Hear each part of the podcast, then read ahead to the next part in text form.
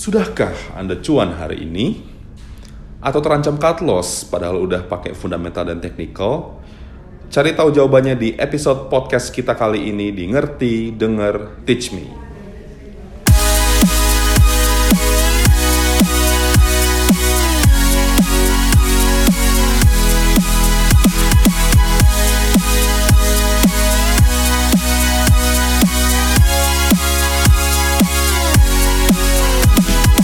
Halo Teachmate, udah lama nih kita nggak ketemu di Ngerti Denger Teach Me. Jadi di podcast kali ini seperti yang gue bilang tadi, kita mau ngebahas sebenarnya apa sih yang salah uh, dengan strategi lo sehingga lo belum dapat uh, maksima, uh, maksimum profit padahal lo udah pakai semua cara sampai jungkir balik. Nah untuk menjawab itu tentu saja gue nggak sendiri. Kali ini gue ketemu lagi sama uh, teman gue, Rifan Kurniawan, Value Investor Indonesia. Halo Van, apa kabar Van? Halo Banyu, apa kabar juga? Thank you teman-teman. Seperti biasa lo sibuk banget ya. Lumayan. Terakhir terakhir ke mana lo terakhir? Terakhir baru kemarin gue ke Medan tanggal eh, 23 sampai 24 kebetulan gue bikin workshop juga di Medan. Jadi baru balik banget tadi malam. Luar biasa. Oke Van, ini sebenarnya eh, apa namanya topik yang sering kali miss nih. Maksudnya kita kan udah sering banget dengar eh, gimana sih cara milih saham yang benar, terus eh, saham-saham apa aja yang direkomendasiin. Tapi ternyata eh, pada kenyataannya kita udah pakai fundamental, udah baca laporan keuangan, udah narik-narik garis kayak apa tahu tetap aja profitnya nggak maksimal. Profit aja udah udah syukur. Eh, yang sering malah cut loss dan sebagainya gitu. Sebenarnya apa sih Van yang terjadi Van? Oke, jadi eh, mungkin kalau bisa dibilang ya eh, kebanyakan dari teman-teman investor mungkin hanya berfokus kepada eh, teknik. you know. Jadi eh, teknik yang dipakai kan ada cukup banyak ya. Misalkan ada teknik trading, ada teknik eh, investing. Nah, teknik trading sendiri misalkan kalau kita eh, bedah ada yang day trading, ada yang swing trading. Ya, kalau eh, fundamental juga ada value investing, growth investing dan lain sebagainya ya. Eh, tapi mungkin eh, teman-teman nih eh, banyak yang lupa bahwa sebenarnya eh, ketika kita ber- eh, berfokus kepada eh, analisa uh, technical maupun fundamental ya itu sebenarnya hanya menentukan kurang lebih tuh 20% dari keberhasilan investasi ya. 20%. 20% doang ya. Nah, jadi eh, sebenarnya ada nih eh, yang lebih penting ya, tapi eh, mungkin sering kali dilupakan oleh teman-teman investor ataupun teman-teman trader di sini, yaitu yang namanya money management. Money management. Ya. Maksudnya apa tuh? Money management. Oke, jadi gini, eh, teman-teman tahu nggak bahwa ketika eh, bahwa untuk menjadi seorang investor ya yang eh, sukses, eh, teman-teman perlu untuk mempelajari yang namanya 3M nih. Nah, 3M ini M yang pertama itu adalah eh, metode yang tadi kita eh, bahas ya, metode untuk analisa teknikal, analisa fundamental dan lain sebagainya. Which is sebenarnya itu eh, cuma berkontribusi 20% dari keberhasilan investasi. Nah, teman-teman kadang lupa nih sama M yang kedua sama M yang ketiga. Nah, M yang kedua itu adalah yang disebut dengan mindset. Nah, mindset di sini adalah bagaimana sih kita eh, punya mindset seba- eh, seorang investor ya. Eh, mungkin nanti yang M ketiga, M kedua ini nanti kita bahas di lain waktu. Tapi ap- yang gue pengen sharing kali ini adalah M yang ketiga nih, yaitu yang namanya eh, money management. Nah, money management ini yang sebenarnya penting banget tapi sering kali banyak orang eh, lupa. Nah, kalau kita bicara money management sendiri itu sebenarnya luas banget nih.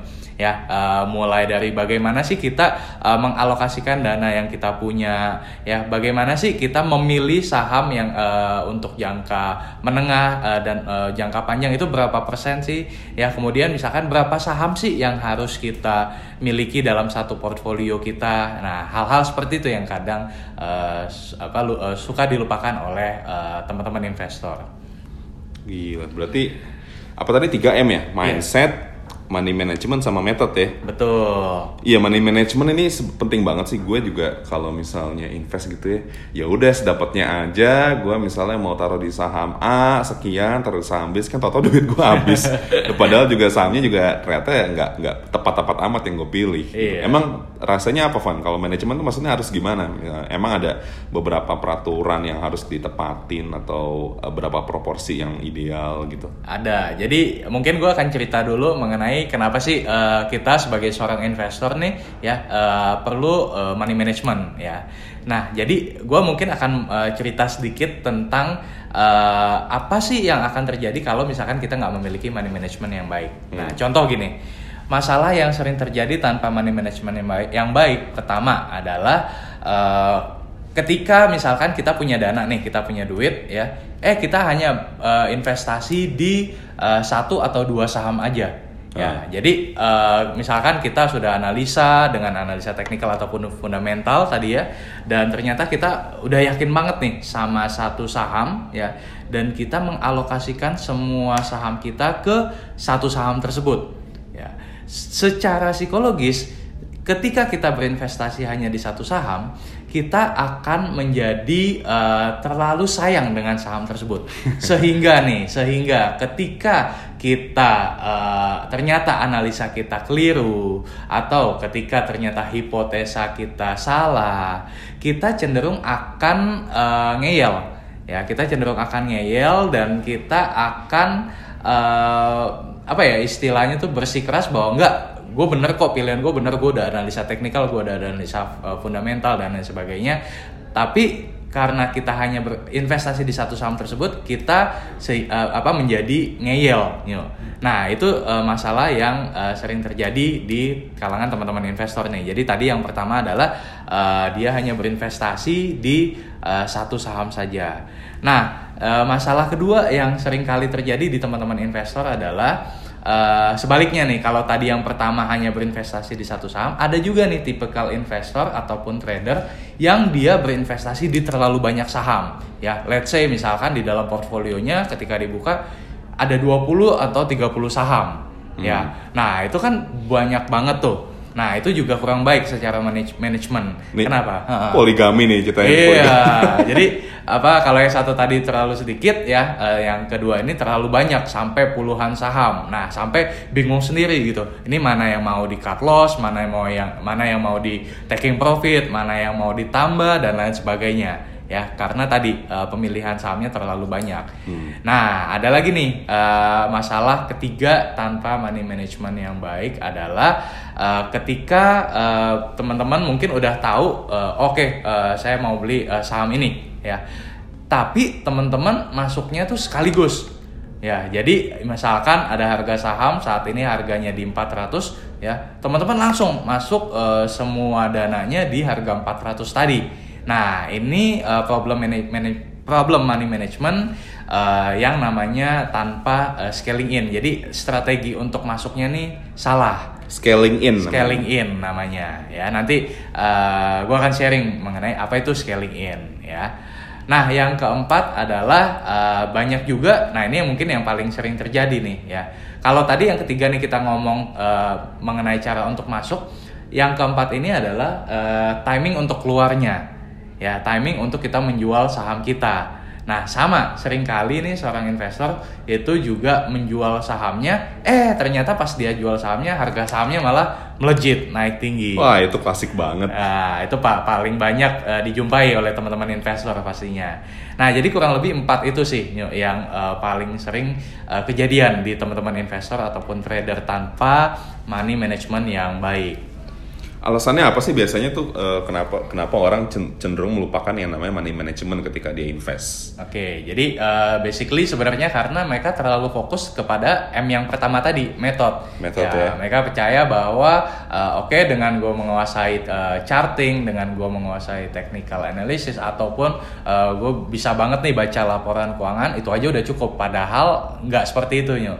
Jadi kalau kita bicara uh, apa uh, even sekelas Warren Buffett, dia mungkin secara uh, profit atau secara return bukan yang paling besar dalam waktu satu tahun, tapi dia ini dikenal sebagai salah satu aset alokator terbaik di dunia sehingga uh, kekayaannya bisa berlipat ganda selama uh, lebih dari 70 tahun dia di pasar saham. Nah, itu salah satu uh, kunci ke kehebatannya WB selain karena dia memilih saham yang tepat adalah karena uh, beliau adalah salah satu aset alokator terbaik di dunia.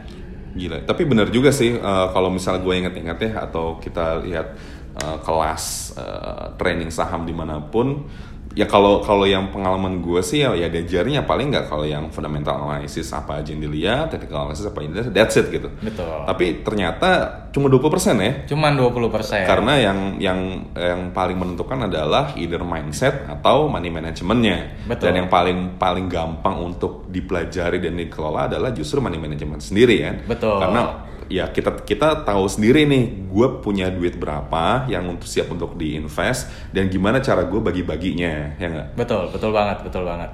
Terus uh, ininya gimana tuh Van? Uh, prakteknya money management yang baik sebenarnya kayak apa sih? Gitu. Oke, nah jadi uh, dalam kesempatan kali ini uh, gue akan bagi-bagi beberapa tips nih ya uh, supaya teman-teman investor ataupun teman-teman trader di sini uh, bisa uh, punya money management yang baik ya.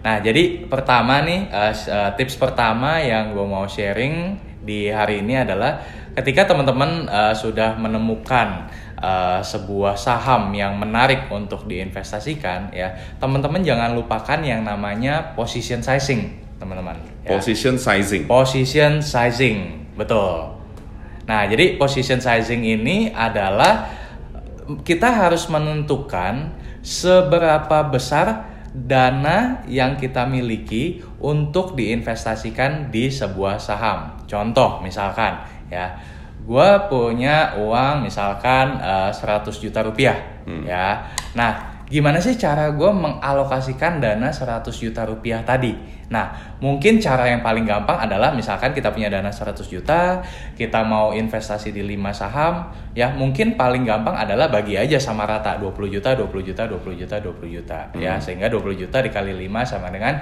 100 juta rupiah ya tapi sebenarnya ada cara yang lebih uh, apa uh, ada tips yang le yang bisa bikin profit kita lebih maksimal yaitu dengan menerapkan yang namanya position sizing ini. Nah, jadi ya tips buat teman-teman adalah misalkan teman-teman uh, punya pegang uh, saat ini punya 5 saham ya. Nah, teman-teman perlu identifikasi terlebih dahulu berapa sebenarnya uh, harga wajar dari saham tersebut. Ya, itu dulu pertama ya. Nah, jadi setelah teman-teman sudah bisa menentukan berapa harga wajar saham tersebut, ya, kemudian teman-teman uh, apa namanya uh, bandingkan dengan harga beli saat ini. Contoh ya, contoh, misalkan supaya nggak bingung, saham A, ya, saham A teman-teman beli di harga 400 rupiah, hmm. ya ternyata uh, setelah uh, dihitung dengan metode evaluasi uh, ternyata harga wajarnya atau nilai intrinsiknya di di 800 rupiah. Nah berarti kan harga sahamnya saat ini itu masih jauh banget di bawah nilai intrinsiknya mm-hmm. ya. Sementara katakanlah ada saham lain yaitu saham B ya. Teman-teman katakanlah beli di harga sama di harga 400 rupiah ya. Tapi ternyata nilai intrinsiknya itu kurang lebih setelah kita hitung ada di eh, 500 rupiah ya uh, per lembar sahamnya. Nah pastinya untuk alokasi dana yang perlu kita tempatkan di saham A dan di saham B harusnya berbeda dong. Benar. Nah, nah yang banyak teman-teman lupakan adalah kadang uh, hajar beleh aja A sama B sama C sama D sama E sama. Nah, banget.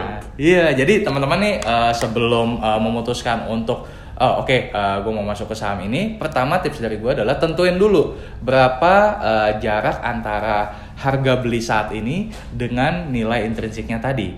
Nah, kalau ternyata jaraknya itu masih jauh ya, itu teman-teman bisa alokasikan dana lebih ke saham tersebut. Nah, sementara pegangan lainnya katakanlah yang ternyata tidak uh, terlalu besar uh, jarak antara harga beli dengan nilai intrinsiknya, ya, ya teman-teman alokasikan pastinya lebih sedikit daripada si saham A tadi. gitu. Oke, itu position sizing ya. Itu uh, position sizing. Betul. Oh ya, sama satu lagi gue lupa. Ya, jadi uh, selain teman-teman tentukan uh, tadi ya, uh, saran dari gue adalah juga teman-teman tentuin dulu uh, berapa persen maksimal yang mau uh, teman-teman ambil di saham tersebut. Contoh misalkan ya, dari dana 100 juta, gue uh, udah pilih saham A, saham B, saham C, saham D, saham E ya ternyata misalkan saham A tadi uh, nilai intrinsiknya itu uh, masih 100% di atas harga saham saat ini. Saham B katakanlah 80% ya, apa nilai intrinsiknya di atas harga saham saat ini.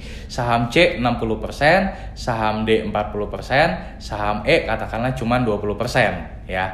Nah jadi teman-teman tentuin dulu nih oke setelah gue tahu bahwa saham A paling banyak ya gue harus tentuin dulu berapa persen yang harus gue alokasikan di saham A tadi. Nah, tips selanjutnya dari gue, ini masih terkait position sizing adalah eh, uh, 50% dari dana yang kita miliki ya itu harus ditempatkan di saham yang memiliki margin of safety di atas 50% ya. 50% ya. 50%. Jadi tadi misalkan saham A harga sahamnya 400, nilai intrinsik 800, berarti kan margin of safety 100% tuh. Uh -uh. Nah, itu masuk kategori yang pertama tadi. Oh. Nah, sementara tadi si saham E, saham E harga sahamnya 400 ternyata nilai intrinsiknya cuma uh, 500. Berarti kan cuma 25%. Berarti kan dia uh, margin of safety di bawah 50% tuh. Nah, itu uh, alokasinya lebih sedikit. Nah, jadi gue ulangin sekali lagi nih uh, setidaknya 50% dari dana yang kita miliki harus ditempatkan di saham-saham yang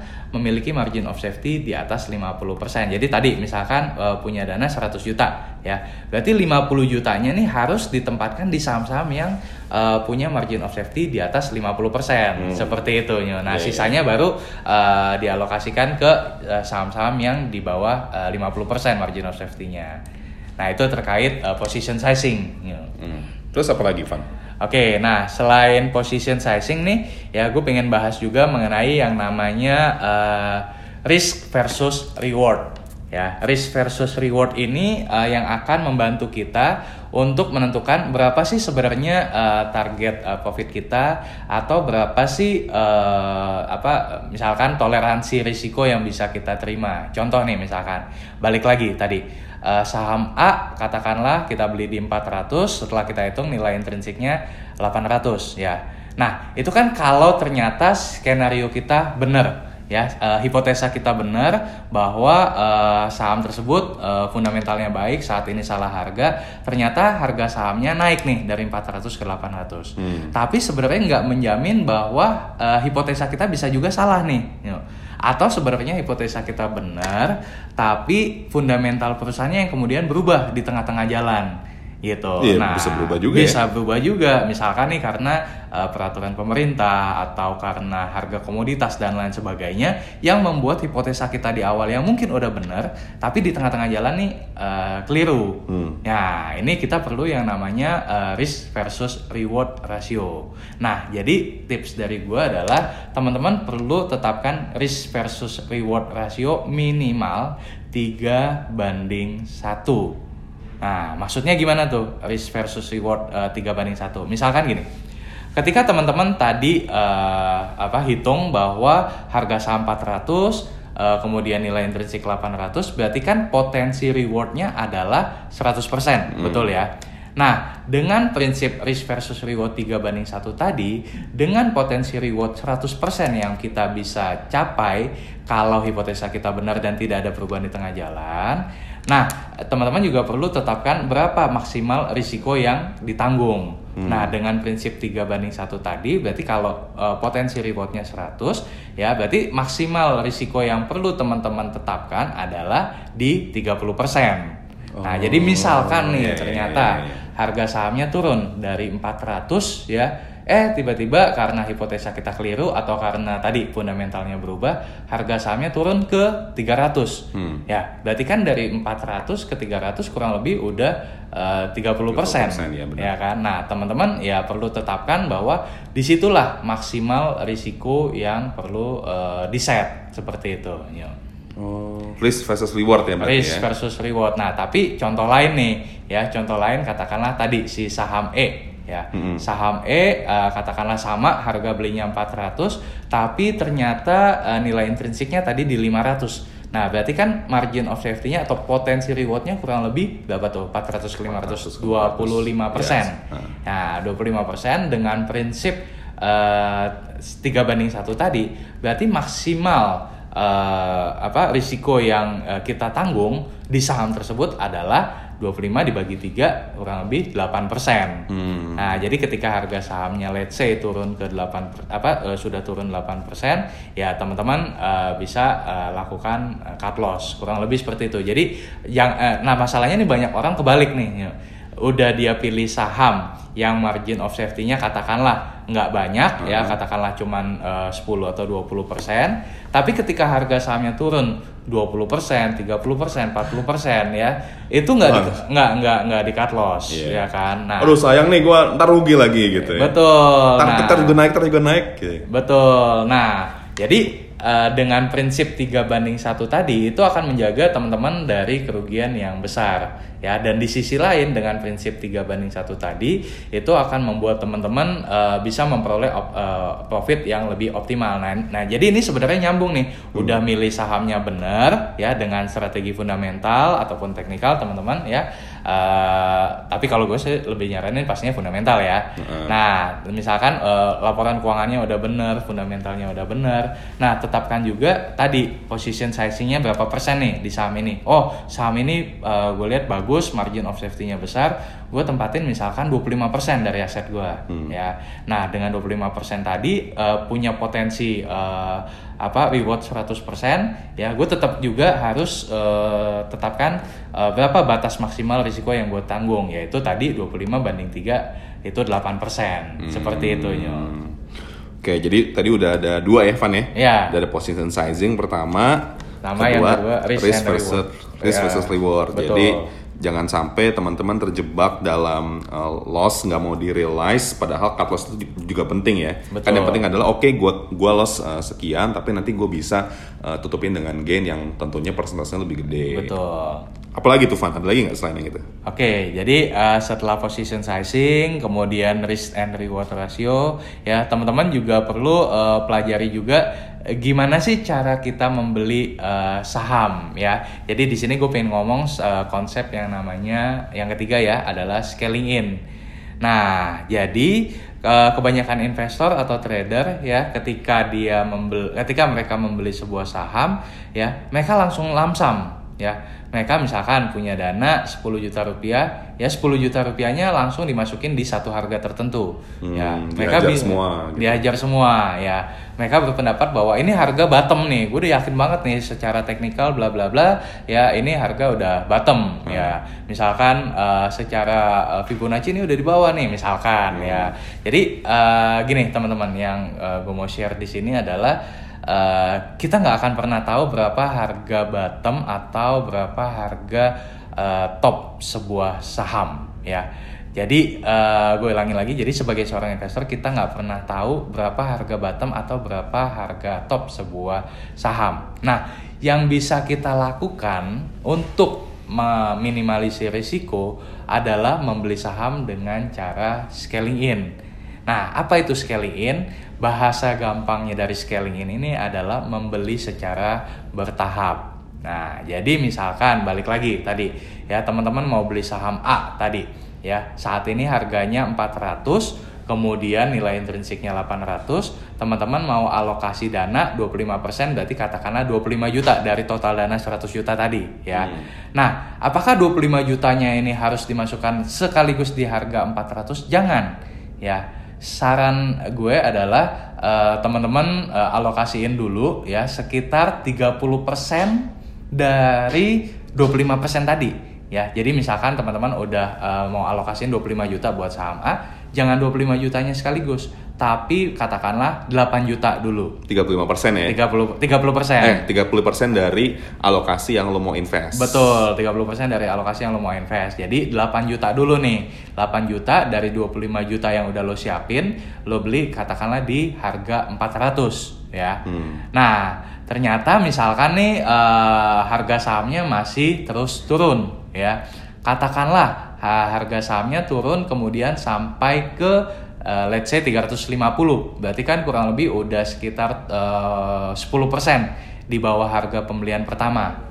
Nah, ketika harga saham eh, turun ke 350 ya, teman-teman gimana nih eh, selanjutnya? Nah, saran gue adalah tadi balik lagi lu mesti cek dulu ya, apakah bener nih hipotesa lu di awal tuh nggak berubah ya? Apakah fundamentalnya oh, fundamentalnya nih kemudian eh, masih baik atau enggak? Di saat harga sahamnya sekarang nih di 350 karena tetap aja nggak menutup kemungkinan bahwa eh, ki- tadi kita sa- salah eh, hipotesa atau ternyata hipote eh, informasi yang kita terima eh, belum penuh.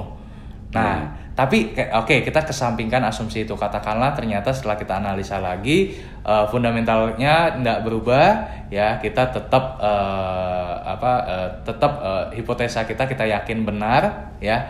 Nah, baru teman-teman lakukan scaling in yang kedua ya di harga 350 tadi ya. Berarti katakanlah tadi pertama 8 juta beli di eh, 400 ya ketika harga sahamnya turun ke 350 belinya 8 juta lagi gitu. 8 juta, ayo. Betul. Iya, iya, nah, iya. berarti kan dengan kalau memang sepanjang fundamentalnya bagus, penurunan harga saham itu kan opportunity, Diskon justru ya. Diskon justru.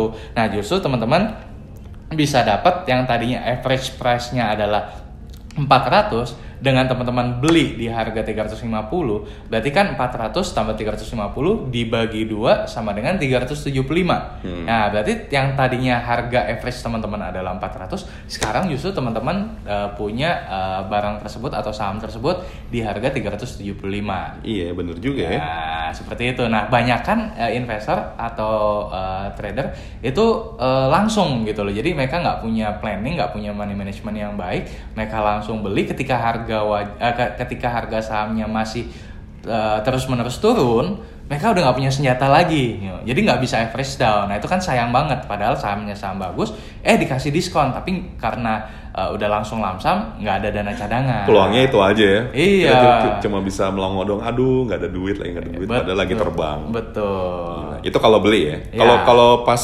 lagi kondisi yang sebaliknya, Nah. jual juga sama aja ya. Nah, jual. Nah, kalau jual nih eh, sama. Jadi kalau tadi belinya kita lakukan dengan cara scaling in, kalau jualnya nih kita eh, bilang eh, scaling out. Scaling out. Nah, nah, tapi di sini rulesnya agak agak berbeda nih. Nah, Bedanya jadi, gimana? nah, bedanya gini. Jadi eh, mungkin kalau teman-teman eh, yang biasanya trading biasa pakai eh, rules kalau misalkan let's say eh, harga sahamnya naik 10% kemudian taking profit semua betul ya.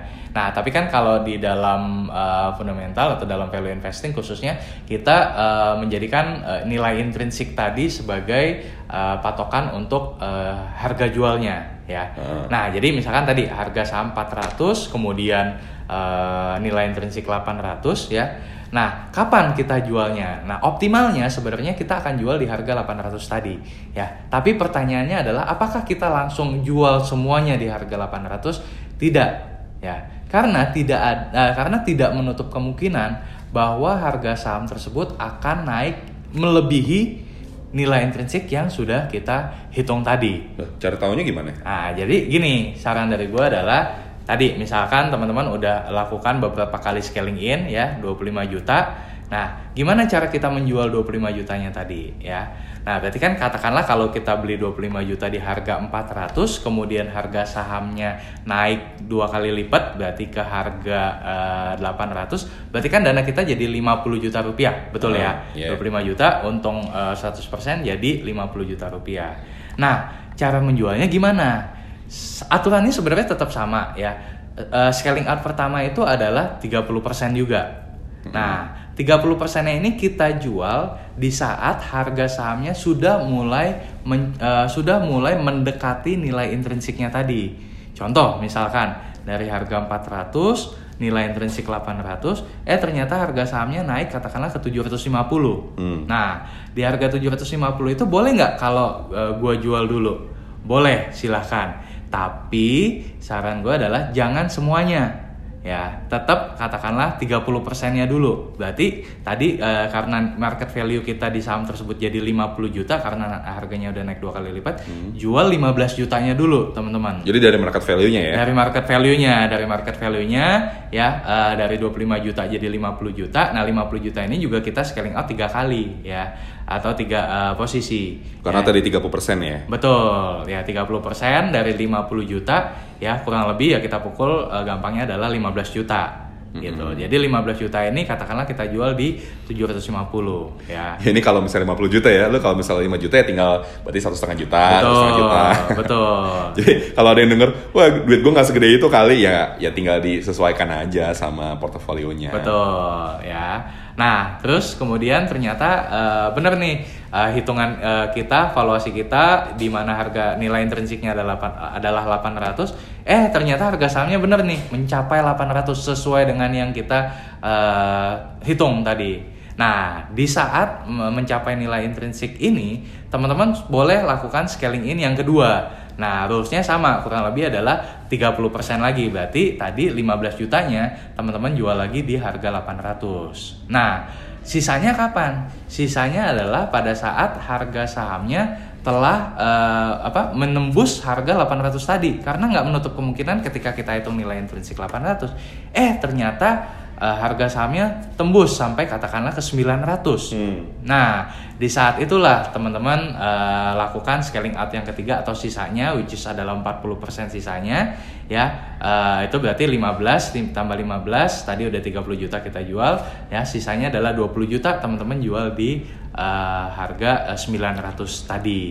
Nah, jadi dengan memanfaatkan seperti ini, teman-teman bisa jual di tiga harga yang berbeda, 750, 800, 900 ya. Nah, jadi kan teman-teman bisa memperoleh eh, profit yang lebih optimal. Nah, banyak yang banyak investor atau banyak teman-teman trader itu yang gatel gitu ya.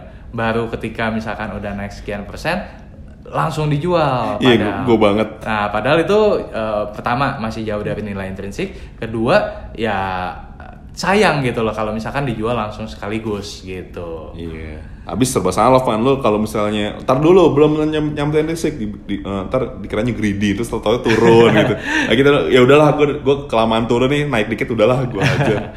Padahal ternyata kalau misalnya value investing nggak nggak kayak gitu ya. Nggak. Jadi selama kita yakin nilai intrinsik intrinsiknya berapa ya udah tunggu aja sampai itu kecapek. Once udah kecapek baru silakan. Betul, betul. Jadi memang harus dibedain nih antara greedy dengan emang kita yakin harganya akan naik segitu. Dengan metode valuasi tadi ya eh, teman-teman bisa punya gambaran, oh ini harga sahamnya nih belum saatnya gue jual nih meskipun udah naik 20%, 30% tangan udah gatel, tapi ternyata nilai intrinsiknya masih eh, jauh di atasnya, ya teman-teman nggak usah eh, buru-buru jual gitu. Oke. Ada lagi nggak Van soal itu Van? Metode eh, ininya tips-tipsnya. Uh, tipsnya mungkin dari gue yang terakhir adalah uh, diversifikasi nih. Nah, nah, tadi kan gue bilang di awal bahwa ada investor yang dia terlalu yakin dengan satu saham, dia uh, menginvestasikan hampir seluruh dananya di saham tersebut, ya. Uh, kemudian ketika hipotesanya uh, salah, uh, dia jadi resisten, ya jadi defensif. Atau di sisi sebaliknya ada investor yang dia megang terlalu banyak saham, ya sehingga ketika uh, satu saham katakanlah naik 100%, profitnya nggak berasa, nggak nendang Iya, bahasanya. banget. Hmm. Nah, jadi uh, di sini tetap kita perlu lakukan yang namanya diversifikasi, tapi saran dari gue adalah jangan over diversifikasi. Ya, diversifikasi oh, itu boleh, tapi jangan over diversifikasi. Maksudnya over tuh gimana Van? Nah, over diversifikasi itu misalkan ya tadi pegang saham dengan jumlah eh, terlalu banyak. Ya, sampai puluhan saham dalam satu portfolio itu kan kurang sehat juga. Nah, jadi sebenarnya berapa sih eh, portfolio yang eh, jumlah saham yang bisa kita pegang dalam satu waktu atau dalam satu portfolio ya. Saran dari gua adalah minimal ya, minimal itu 5 ya, minimal itu 5 saham ya. Maksimalnya itu 10 saham. Oh minimal 5 ya? Minimal 5. Kenapa? Karena kalau misalkan cuma pegang satu atau dua, ya misalkan dua deh, Ah. ya kita punya uang tadi 100 juta, kemudian eh, 50 juta di saham A, 50 juta di saham B, ya. Katakanlah ternyata hipotesa kita salah nih. Ya, berarti 50 juta tadi dalam resiko. Ya. Oh, Atau iya. lebih parahnya lagi, kalau misalkan kita cuma pegang satu saham, ya 100 juta kita taruh di saham tersebut, 100 juta kita ini dalam dalam bahaya. Iya. Nah, jadi dengan mendiversifikasi tadi, ya risiko yang kita tanggung itu lebih terbagi. Tapi sebaliknya maksimal 10. ya. Hmm. Nah, jadi jangan lebih dari 10. Kenapa? Katakanlah misalkan gini, eh, ada eh, investor yang dia pegang sampai 20 saham misalkan.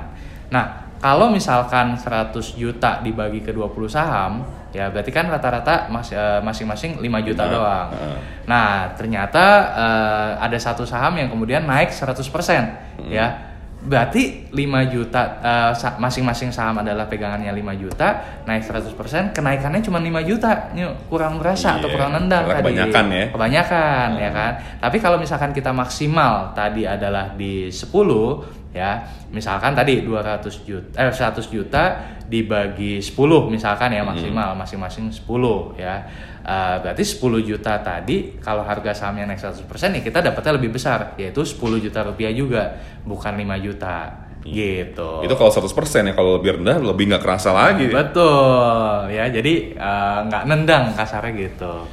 Gila banyak banget ilmunya nih hari ini, Van. Itu baru sebagian. Baru sebagian ya? Iya, masih ada lagi. Mas, seba- sebagian kecil dari yang biasa eh, kita bahas di kelas value investing ya. Betul, Ini. betul. Jadi gini Teachmate, jadi kan selama ini kan Teachmate ngadain value investing bareng Ivan ya satu kelas satu kelas aja tuh yang basic aja kan. Nah nanti eh, sebenarnya kita punya tiga kelas lagi. Jadi se- selain basic, nah tadi yang yang Teachmate dengerin itu money management itu cuma satu dari berapa empat ya? Dari dari empat. materi yang yang dibahas di event kelas basic doang. Jadi kita ada kelas advance sama kelas ultimate yang sebenarnya digabung dalam satu bundle yang namanya Stock Academy. Jadi Stock Academy ini adalah uh, program baru uh, Teach Me di mana sebenarnya tujuannya apa sih? Tujuannya biar uh, yang peserta-peserta yang ikut kelasnya itu lulus, bukan lulus ya, uh, ikut kelasnya itu pas pulang itu benar-benar berkualitas, bukan hanya sekedar ikut bay- eh, apa ikut bayar pulang habis itu lupa lagi, ikut bayar lupa lagi. Jadi Stock Academy ini benar-benar berjenjang. Jadi antara yang tadi yang tem- yang teman-teman uh, dengerin itu yang sal- salah satu doang dari dari materi basic, nanti ada lagi yang advance, ada lagi ultimate sehingga nanti teman-teman kalau udah ikut tiga tahap itu tiga level itu pulang-pulang udah udah udah cincai lah kalau misalnya buat milih-milih saham yang berkualitas dengan cara yang benar itu udah khatam banget gitu. Tuh. Eh, sebenarnya itu nanti kita akan ada kelas eh apa program-program awalnya introductionnya itu Stock Academy itu di 9 Maret. Jadi eh, kita akan eh, Rifan akan ngasih market outlook ya. Ya. Market outlook eh, kira-kira tahun ini kira-kira bagaimana prospeknya, apa aja yang terjadi. Nanti baru di eh, bulan April tanggal 11 kemudian eh, bulan Mei, bulan Juni, jadi tiap bulannya itu kita akan ada eh, kelas-kelas di Stock Academy itu, teman-teman bisa mulai. Nanti kalau misalnya teman-teman mau, silakan eh, klik di teachme.go.id/rifan, eh, informasi dan registrasinya ada di situ. Dan tentunya pasti ilmu-ilmunya akan jauh lebih dalam dibanding yang teman-teman dengar hari ini. Padahal hari ini gua aja udah udah dalam banget nih. oh oh gitu ya oh gitu ya jadi insightful banget eh, apalagi nanti ketika teman-teman ikut kelasnya langsung dan tentunya itu interaktif ya Van ya Betul, betul. Pastinya interaktif, two way communication. two way communication jadi biasanya kayak kayak gimana sih Van jadi biasanya itu eh, peserta akan ini ya akan apa namanya praktek Eh, langsung. praktek praktek langsung Ya, jadi eh, misalkan eh, ngitung nih ya kan, eh, oke eh, saya sekarang tadi misalkan punya dana 100 juta. Sekarang nih saya lagi pegang saham A B C D. Ah. Bisa jadi setelah ikut kelas ini eh, teman-teman akan akan akan sadar gitu. Wah, gila, ternyata dana gua sekarang nih itu eh, rata-rata dalam bahaya ya. Karena tadi eh, nilai intrinsiknya nih eh, ternyata nggak jauh di nggak jauh di eh, nilai beli gue di harga average gue beli ya kan nah jadi eh, dengan money management yang akan kita bahas lebih detail lagi nanti di kelas nanti teman-teman bahkan bisa eh, pulang-pulang nih oke gue tahu nih yang harus gue lakukan. Berarti gue harus jual saham ini gue kemudian alokasikan lebih di saham yang lainnya. Nah kurang lebih seperti itu Nyo. Mantap Sip, thank you banget nih Van Sama-sama. Eh, ilmu-ilmunya nih. Sampai jumpa di Stock Academy kita ya. Ya, Oke. ya. Dan untuk untuk Teachmate eh, sekian episode podcast kali ini. Sampai jumpa di episode-episode selanjutnya. Eh, dengar terus, stay tune di podcast kita ngerti dengar Teach Me karena kita mendengar dan Teach Me mengerti. Assalamualaikum warahmatullahi wabarakatuh.